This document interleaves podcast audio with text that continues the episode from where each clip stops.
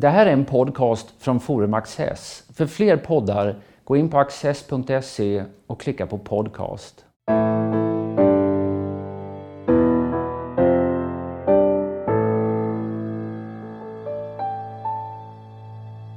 Välkomna till Studio Access.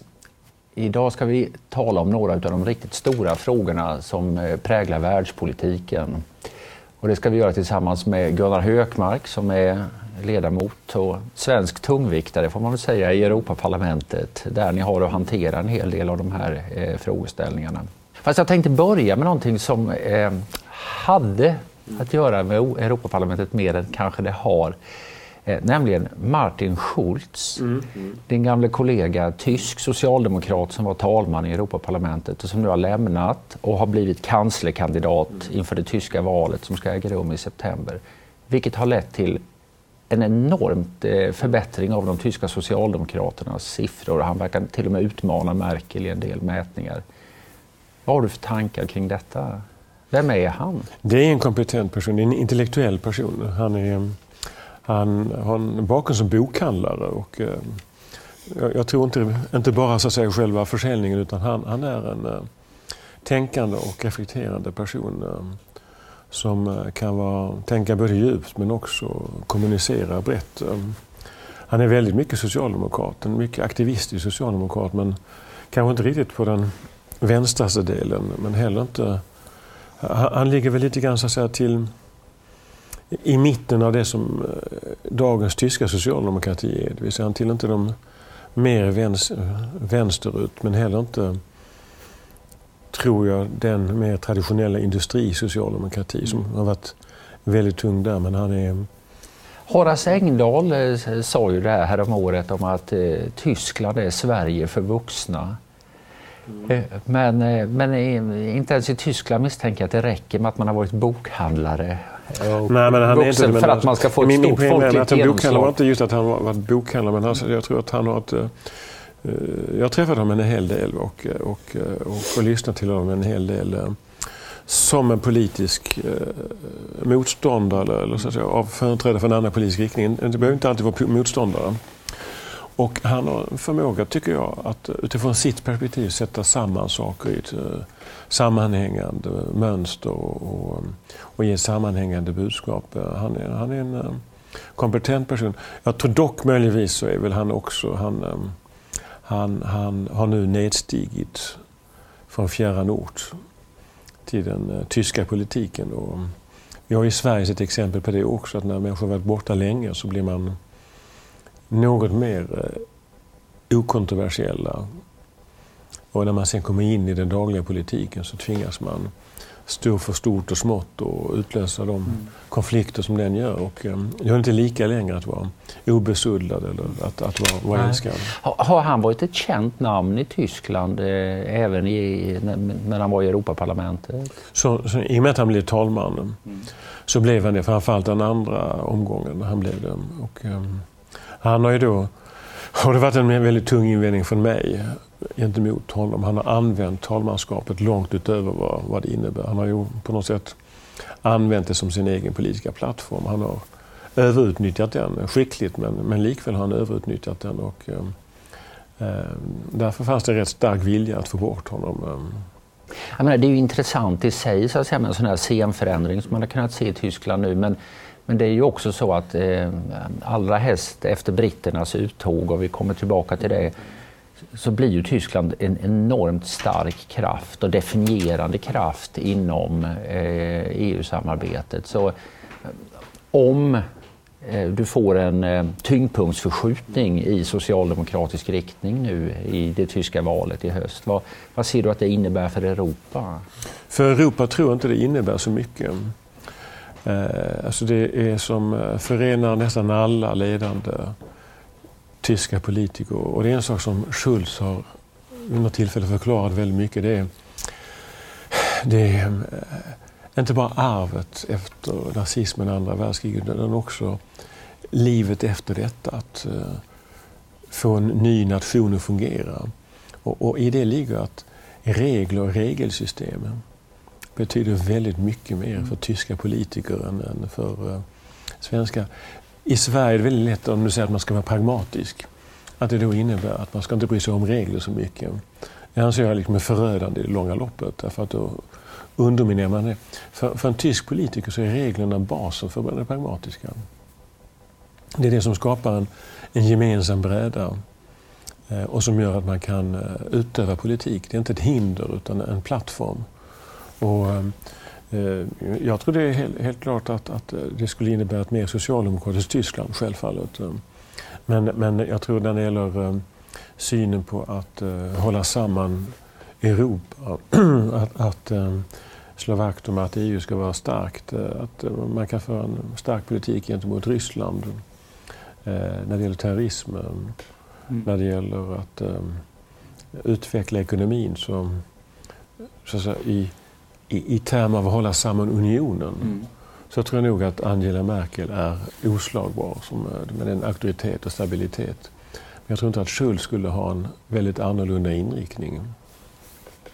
Man kan ju säga att en tysk regering och regeringschef har ju både en sorts direkt effekt på EU-samarbetet och en indirekt. Den direkta har till exempel att göra med den, med den gemensamma valutan mm. och med de budgetregler och så vidare. Och där tror du, förstår jag det rätt, att där tror du att Schultz kommer att stå för kontinuitet snarare än... Eh, jag tror det. Alltså, även om han som politiker har talat mer om att man kanske ska vara mer flexibel med stabilitetspakten, vilket jag tror även det är mycket farligt därför att då raserar man stabiliteten för den europeiska ekonomin.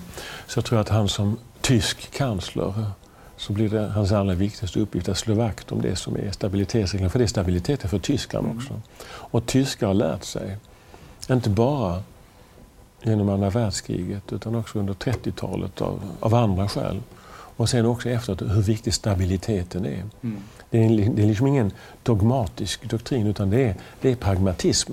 Att förstå principernas betydelse. Sen är det självfallet att han kommer att tolka det annorlunda än Merkel. Men, mm. men när det gäller liksom själva det europeiska perspektivet, att hålla samman Europa, så tror jag, inte, tror jag snarare på kontinuitet i så fall. Nu tror inte jag att han, de kommer att vinna, men, men det är en annan, annan femma. Ja, nej, sen ska det bildas regering och sådär. Det är många steg och, och, dit. Och, och jag trodde inte det... Trump skulle vinna heller. Så att, nej, nej, men, det, men, det, men det har, mm. scenen har förändrats lite grann. Ja, och, ja. Och det andra, och, och sen får man ju se hur, alltså, man, man, får ju se hur CDU kommer att reagera ja, på de här framgångarna också.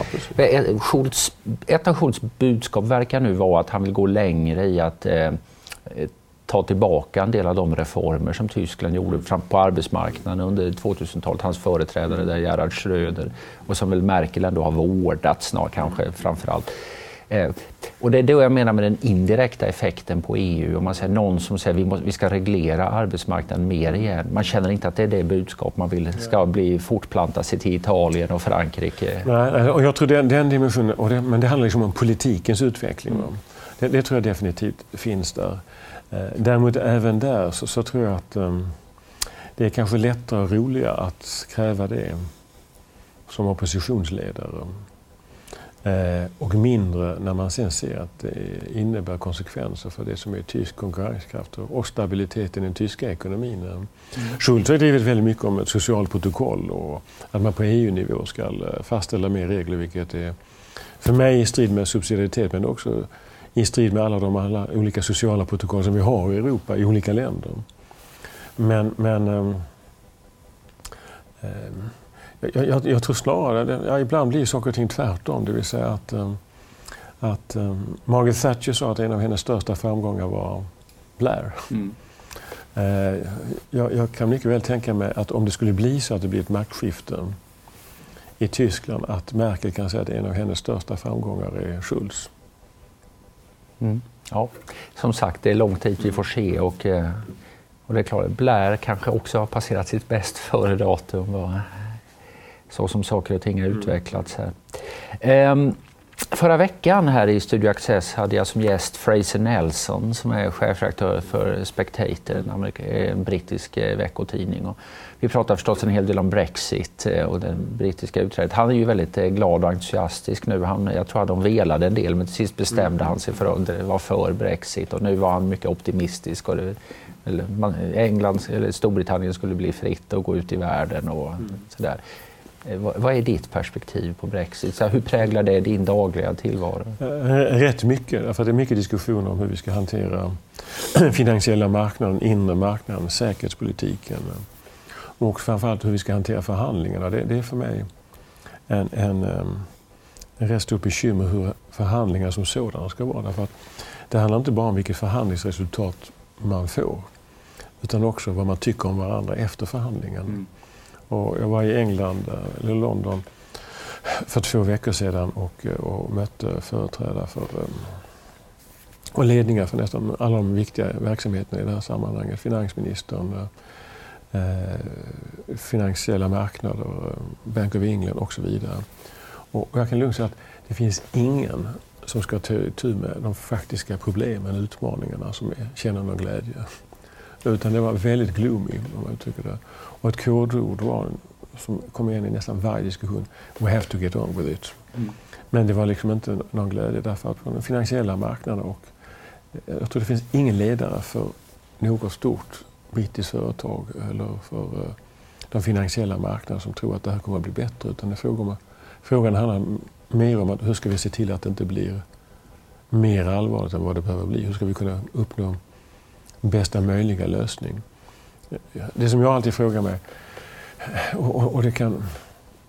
Jag undrar alltid, vad är det egentligen de vill? Så att säga? Alltså den inre marknaden bygger på att vi bestämmer hur, hur om jag får fälla din penna, i den mån man behöver reglera en penna, det behöver man normalt inte. Va? Man, vilken typ av plaster får man ha för att mm. det inte ska vara giftigt? Och, och, det är klart att då kan ju engelsmän få bestämma att de ska ha en annan kemisk sammansättning i pennor. Alltså det är inte så att de kommer ha mindre regleringar utan de kommer ha sina regleringar. Mm. Och det som kommer drabba brittiska företag då, det är att de ska hantera både den brittiska och den europeiska. Det blir en dubblering av byråkrati.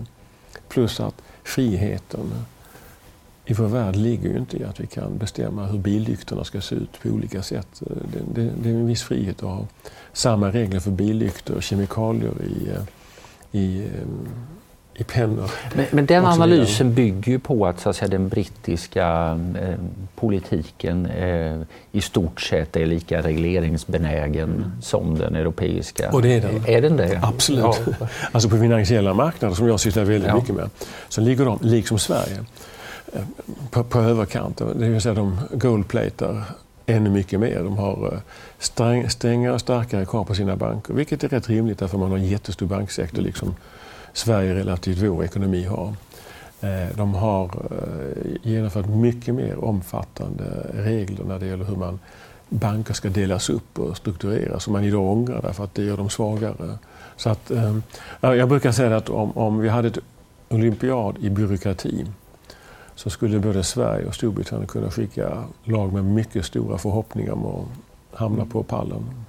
Det är ju intressant det här att när man talar med företrädare för eh, personer som är anhängare av det brittiska utträdet, då, då, brukar i alla fall de jag kommer i kontakt med, de brukar vara glada och, så, och betona så att, säga, att eh, nu kan vi bli mer marknadsekonomiska, nu kan vi få en friare ställning, vi är inte surrade vid det här ekonomiska kadavret som en del har kallat det, det övriga Europa. Det är klart, tittar man sen på vilka frågor det verkar ha varit som verkligen drev utträdesopinionen i Storbritannien, då handlar ju de snarare om mer, alltså mm. större begränsad invandring, eh, att man vill komma loss ur det europeiska rätt, eh, rättssystemet. Eh, mm. Nationalism, de talar inte internationalism, men det verkar vara nationalismen som har varit motor i utträdeskampanjen. Det är en rätt Ser du det i andra europeiska länder också, i, i Europa i, i sin helhet? Ja, på det viset, men jag, jag, jag trodde du skulle ställa en annan. Det var därför jag sa ja innan du hade slut. För att det är alltid fel att göra det, så jag ber om ursäkt. Men, ja, men, svara men, på den frågan jag borde ha ställt ja, också. Ja, ja. Jo, om jag får börja där ändå. Mm. Därför att det som hänt och riskerar att hända i Storbritannien, det är att när man väl har hamnat på en viss agenda så förstärker den av sig själv. Om det väl blir en fråga att man ska hålla folk utanför gränserna så plötsligt de som driver den agendan blir ännu starkare och, och, och, och den agendan sätter sig.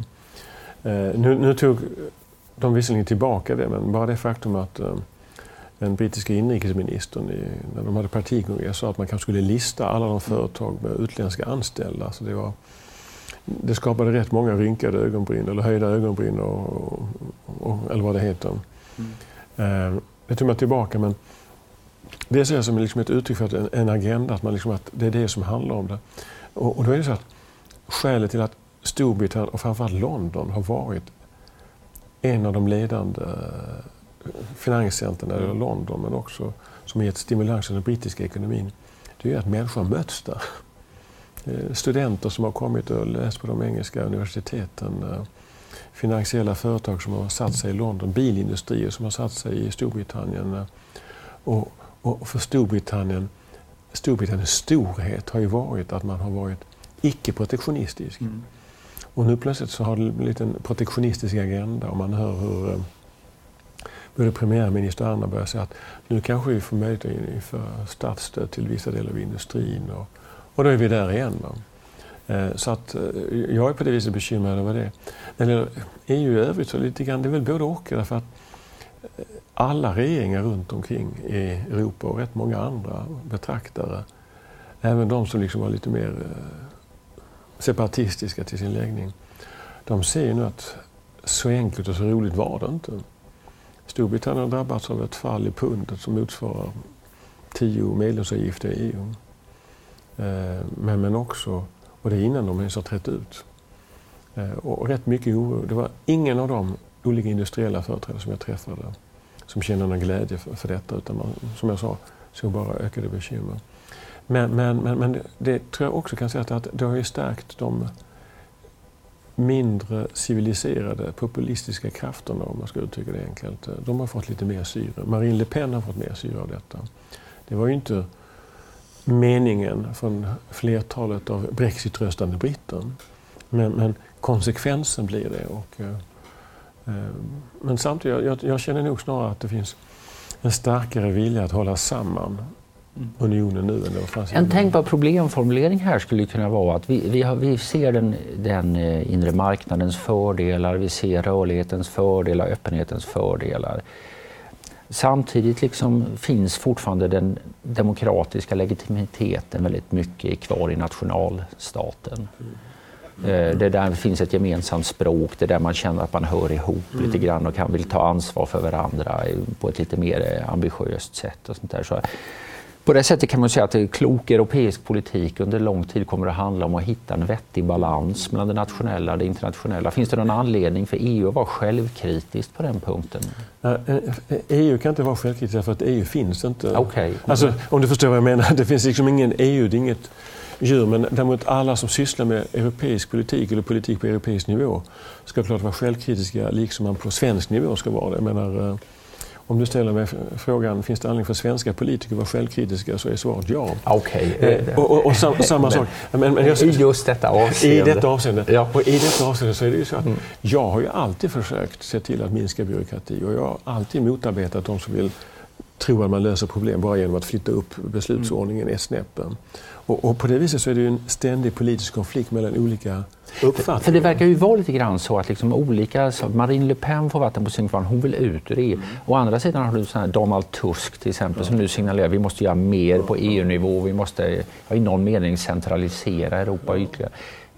Det verkar inte så. Eh, eller ja, vad, vad tror du om Nej, detta det när det gäller vilken, vilka processer man främjar? Ja, just nu så tror jag att, att um, eller egentligen man kan säga att alla har fått vatten på sina kvarnar. Mm. Och det flyter väldigt mycket vatten i de kvarnarna just nu. En stor händelse, man kan använda stor den och tolka den på de mest centralistiska, ja.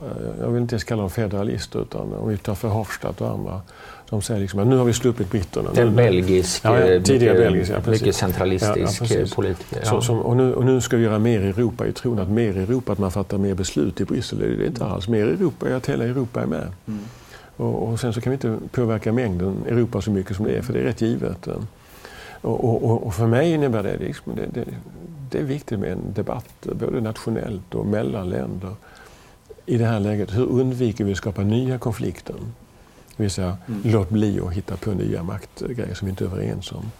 Allra enklast är att vi utnyttjar den makt och de regler vi redan har istället för att bryta mot dem. Jag ska ta stabilitetspakten som ett exempel mm. som är ett väldigt viktigt ramverk för att ekonomin ska utvecklas i rätt riktning. den är liksom till för, det är inte till för att, att göra livet svårare utan den är till för att ge en stabilitet och förtroende för den europeiska ekonomin och mm. se till att skapa en stabilitet. Problem, de problem som vi idag har på det finans, offentliga finans och ekonomiska området de löser vi inte genom att ersätta eller kompensera för att vi inte följer stabilitetspaktens regler genom att införa nya regler, som, som många vill. Utan det gör vi genom att lugnt och stilla se till att vi får en följsamhet till de reglerna, att de blir genomförda.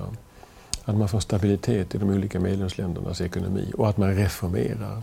För det måste man göra på medlemsstaternas nivå. Mm. Och ingen kommer centralt i Bryssel kunna säga till fransmännen eller italienarna så här ska ni reformera er ekonomi. Det kräver att det finns franska och italienska politiker som har mod och kurage och en vilja att, att gå i täten för det. Men det kommer aldrig gå genom att man i Bryssel har bestämt sig för att det ska göra därför att uh, då blir det mycket stenkastande både i Italien och i Frankrike. Mm. Och då är frågan, så att säga, vad gör britterna med eh, britternas uttåg med den här kraftmätningen mellan de som vill centralisera och de som inte vill det? Mm. Rent matematiskt är det väl så att en kraft som ändå har varit mer för frihandel och mm. marknadsekonomi kommer att lämna. Mm. Så om du räknar dig till den gruppen mm. och det gör du väl så, mm. ja, ni blir färre och får svårare att få genomslag. Vi, vi, vi blir färre. Samtidigt så tror jag att andra blir mer. Det vill säga det, det är lite grann ett, um, det är ett familjedrama. Det vill säga om ett syskon lämnar så tvingas några andra syskon vara med som det syskonet. Det vill säga det, jag tror att vi kommer att se att Tyskland kommer att bli mer. Jag tror att vi kommer att se ett antal eh, central och östeuropeiska länder uh, träda fram mer aktivt och ta sådana roller. Polen är just nu ett lite dåligt exempel på detta därför att Polen har en förfärlig regering. Mm. Men, men, om man så att säga, sätter ett tidsperspektiv på detta och, och inser att demokratin kommer att ha sina svängar åt alla mm. håll så tror jag att Polen kommer att vara en viktig allierad kraft för både Tyskland men också för de nordiska länderna. Därför att i Polen så är man i grunden eh, just nu den regering som, som vi har eh, säger emot mig på den punkten. Men det polska samhället och den polska ekonomins utveckling och, och Polens roll är i frihandelsinriktning och öppna marknader.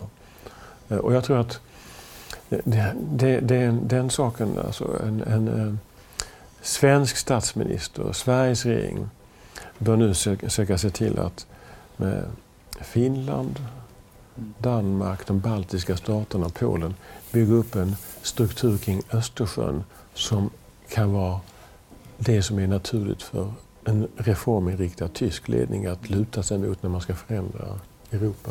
Alltså en väldigt optimistisk eh, tolkning, en glädjetolkning mm. möjligen skulle ju kunna vara ungefär att britterna hade på, på ett rad olika sätt gjort sig så omöjliga i EU-samarbetet att deras positioner också blev omöjliga. Mm. Och att det i en mening blir lättare för vissa länder att vara mera frihandelsvänliga när britterna inte är med och håller med dem.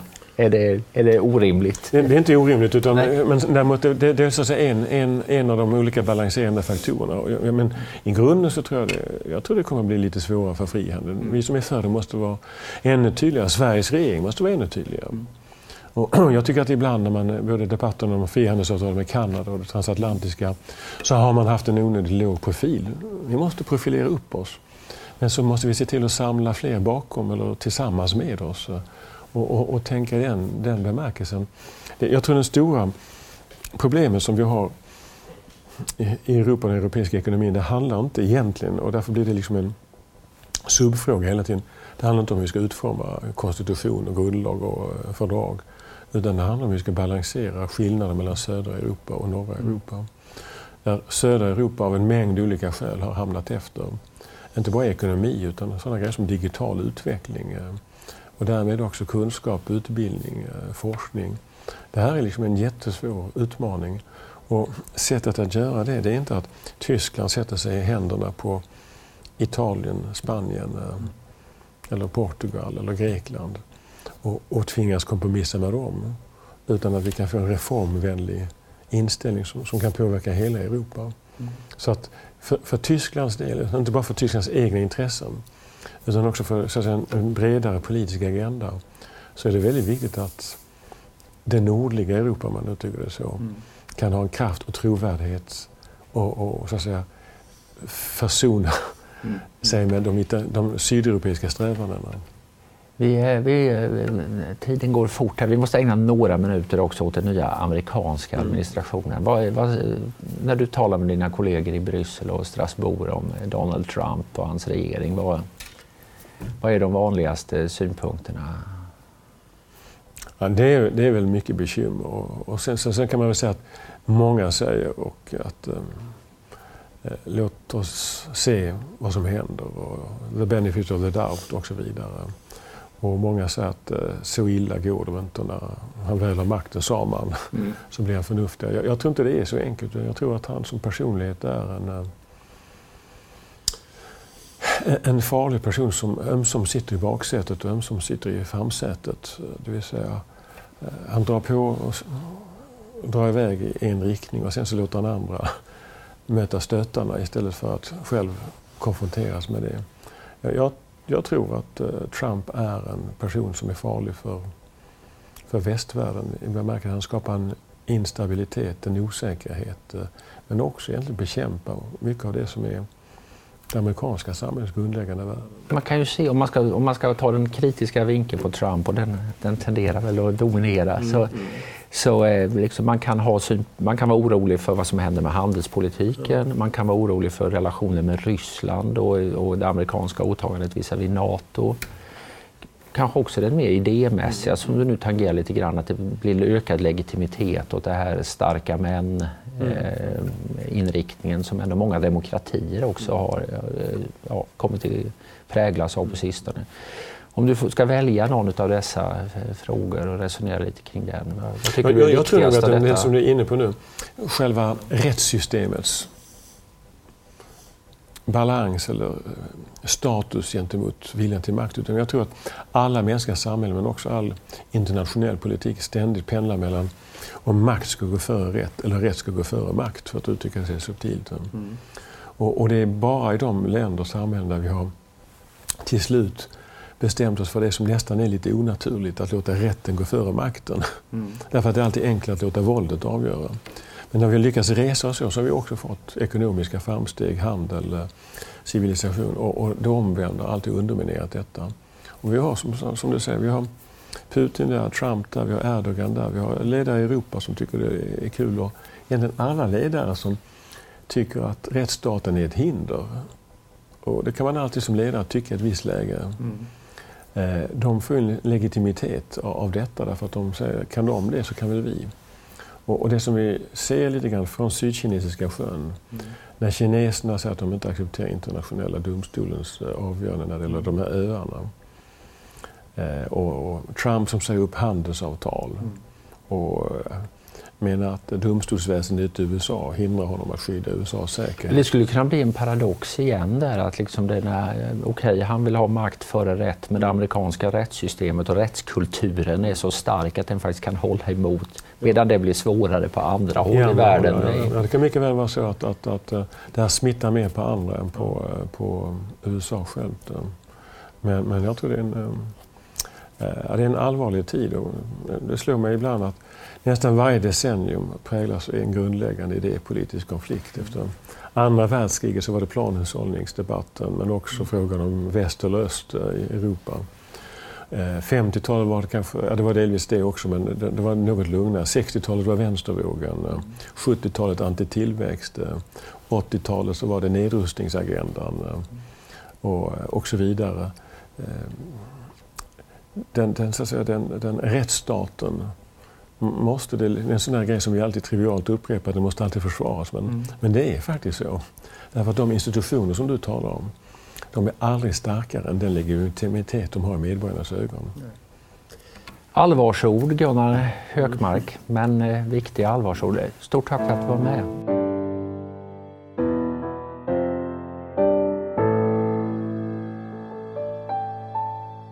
Och här kommer några extra minuter med mig och min gäst. Vi måste prata lite Sverige också här. Ehm, och eh, ditt eget parti, Moderaterna, upplever nu lite kärva tider här. Det går, eh, kommer dåliga eh, nyheter i, om opinionsläget. Eh, vad är dina, var, var, varför tror du det här händer? För det första så tror jag att alla partier som vill vara framgångsrika någon gång måste visa att man kan hantera kärva tider så att man hamnar i kärva tider på ett eller annat sätt. Hade den moderata partiledningen inte rivit bort plåstret nu när det gäller decemberöverenskommelsen och decemberismen som satt kvar mm. så hade utvecklingen gått vidare ut för därför att då hade förtroendet för eh, oppositionen, alliansens opposition, den borgerliga oppositionen mm. undermineras steg för steg. Och vi hade sett hur Sverigedemokraterna kunnat profitera på det. Det är det de har gjort. Menar, de stora vinnarna av decemberöverenskommelsen är ju de som man vill hålla på mattan. Det vill säga det är Sverigedemokraterna som... Fast, fast om man tänker på det här med att man rev decemberöverenskommelsen och det här eh, utspelet från Anna Kinberg Batra, det är väl en månad sedan mm. nu ungefär. Eh, egentligen säger hon ju två olika saker.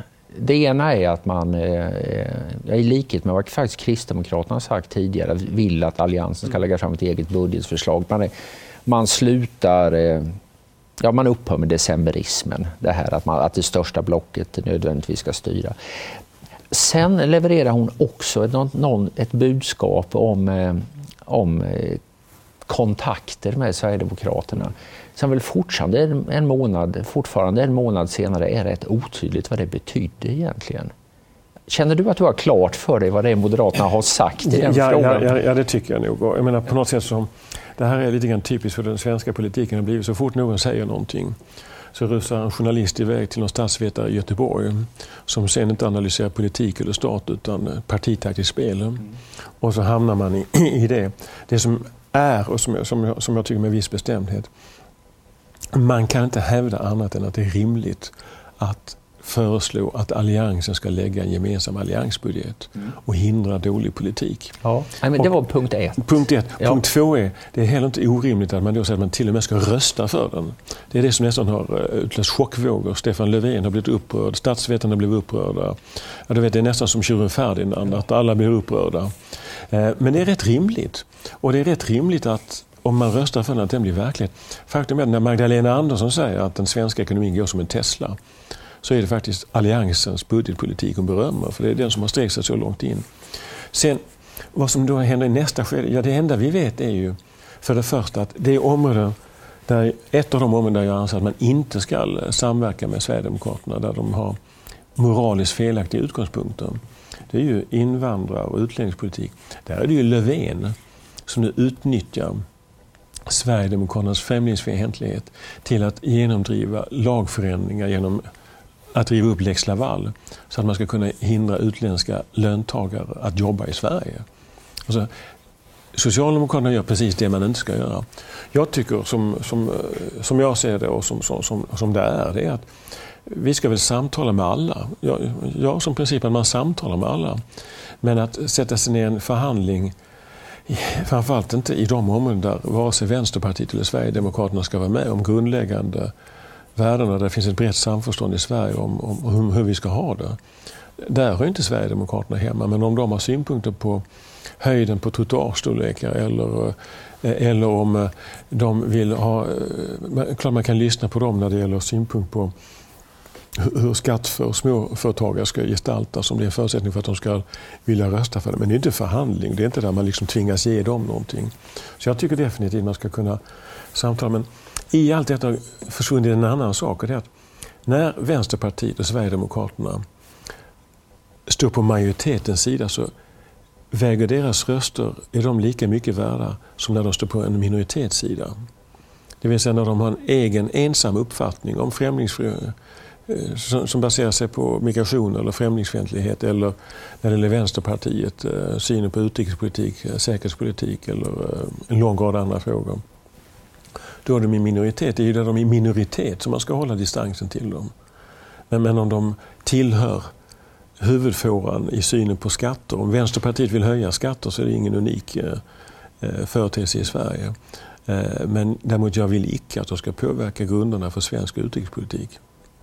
Och samma motsvarande gäller för Sverigedemokraterna. Och där tycker jag man blandat ihop. Eh. Men, men varifrån kommer all denna osäkerhet och all denna dimmighet? Då? Är det illvilja eller vad, vad, vad menar du att det beror på? För, för det råder verkligen, det vågar jag påstå, en djup osäkerhet hos många. Och jag, skulle jag uttala min högst personliga mening eh, så, så, tror jag att det är den här känslan av att man inte riktigt vet vad som gäller ifrån moderat håll är minst lika problematisk som, eh, som huruvida man nu ska samtala med mm, mm. eller vad det är man ska göra med SD. Mm. Men jag har inte liksom någon, jag menar det, det är det som, eh, att samtala, ja, men det finns ingen vilja att hålla på och förhandla med Sverigedemokraterna om det andra. Det är ju det som är, alltså det ligger ju i det enkla faktum att vi vill ha en alliansbudget. Och en allianspolitik det innebär att förhandla gör vi med alliansen. Eh, för det går inte att förhandla med eh, parallellt dessutom om man nu hade velat det. Det finns ingen vilja att låta Sverigedemokraterna påverka migrationspolitiken. Det är återigen det är Löfven som gör det. Eh, och, och, och remarkabelt är att ingen, inga journalister sprungit till Statsvetarna i Göteborg för att fråga om detta. Så att säga. Men, men jag, jag, tror ett skäl, förutom att allting kan självfallet uttryckas bättre, klarare och tydligare.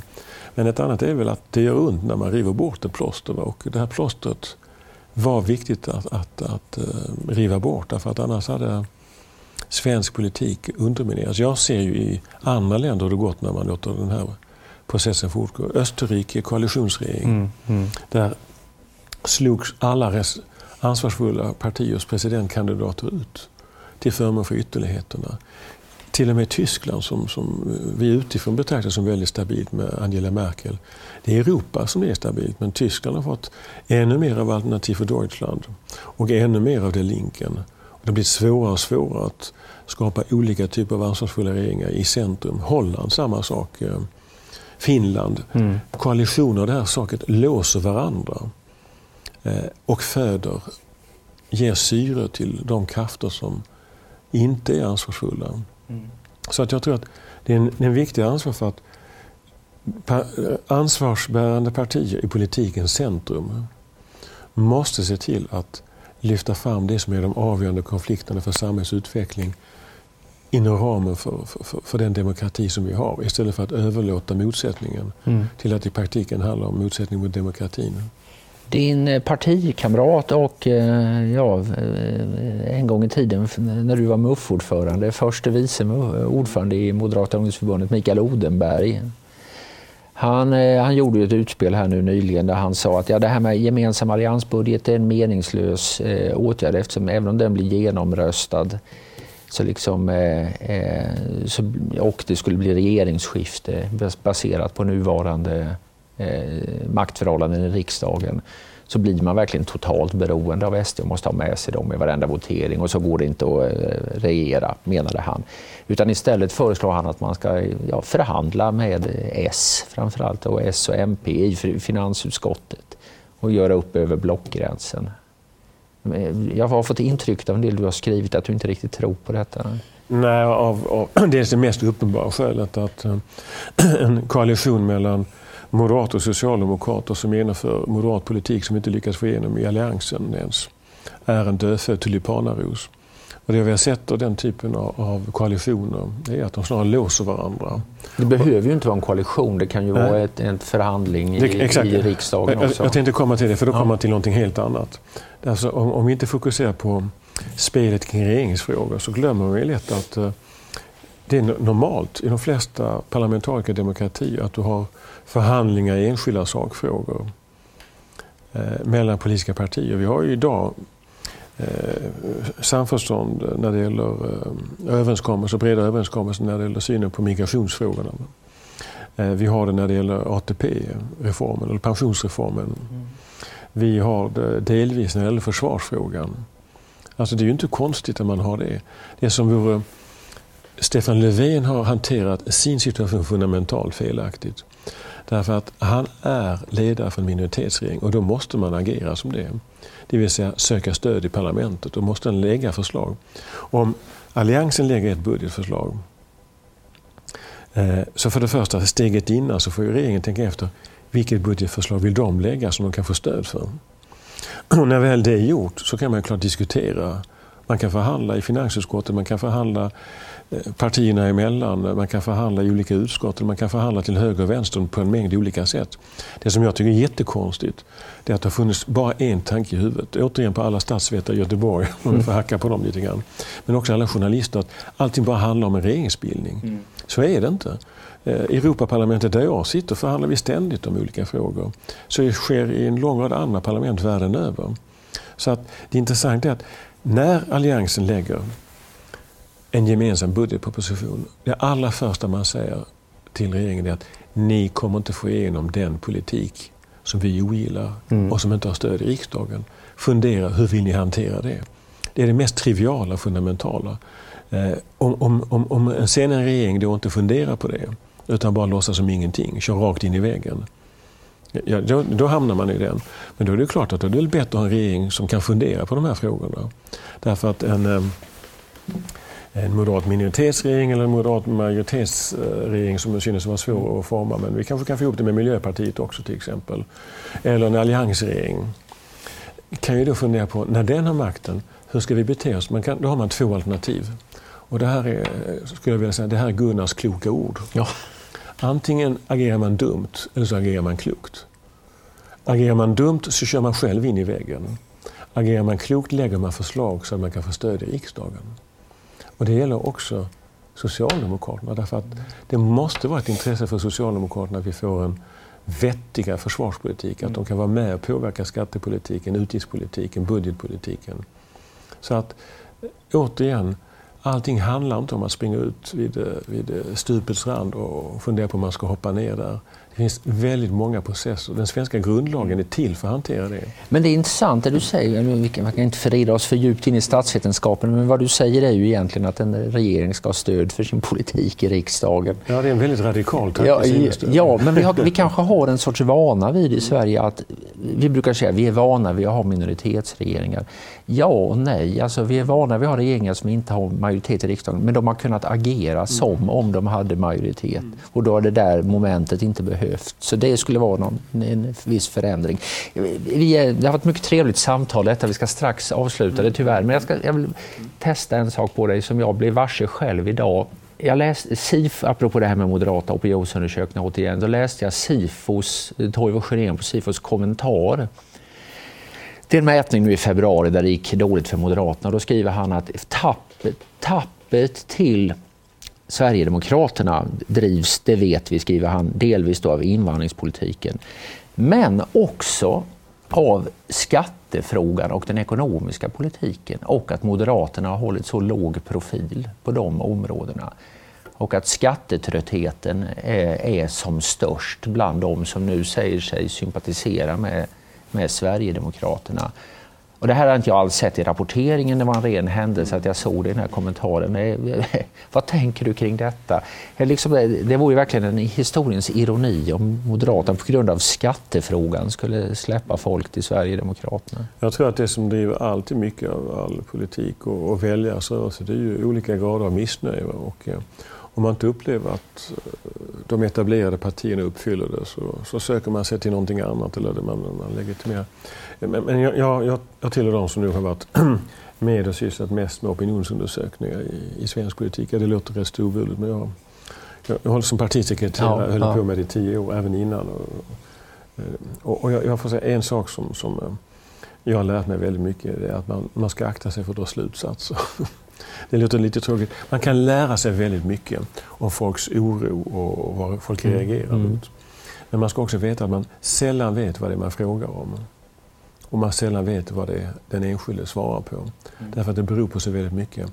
Jag tror att de som idag inte har, har valt att uh, lämna Moderaterna tillfälligt eller, och förhoppningsvis inte för gott, men oavsett det. De svarar ju klart någon typ av skäl för varför de har lämnat. Och då kommer de frågor upp som de känner missnöje med i samhället och där de hoppas att någon annan bättre ska göra det. Mm.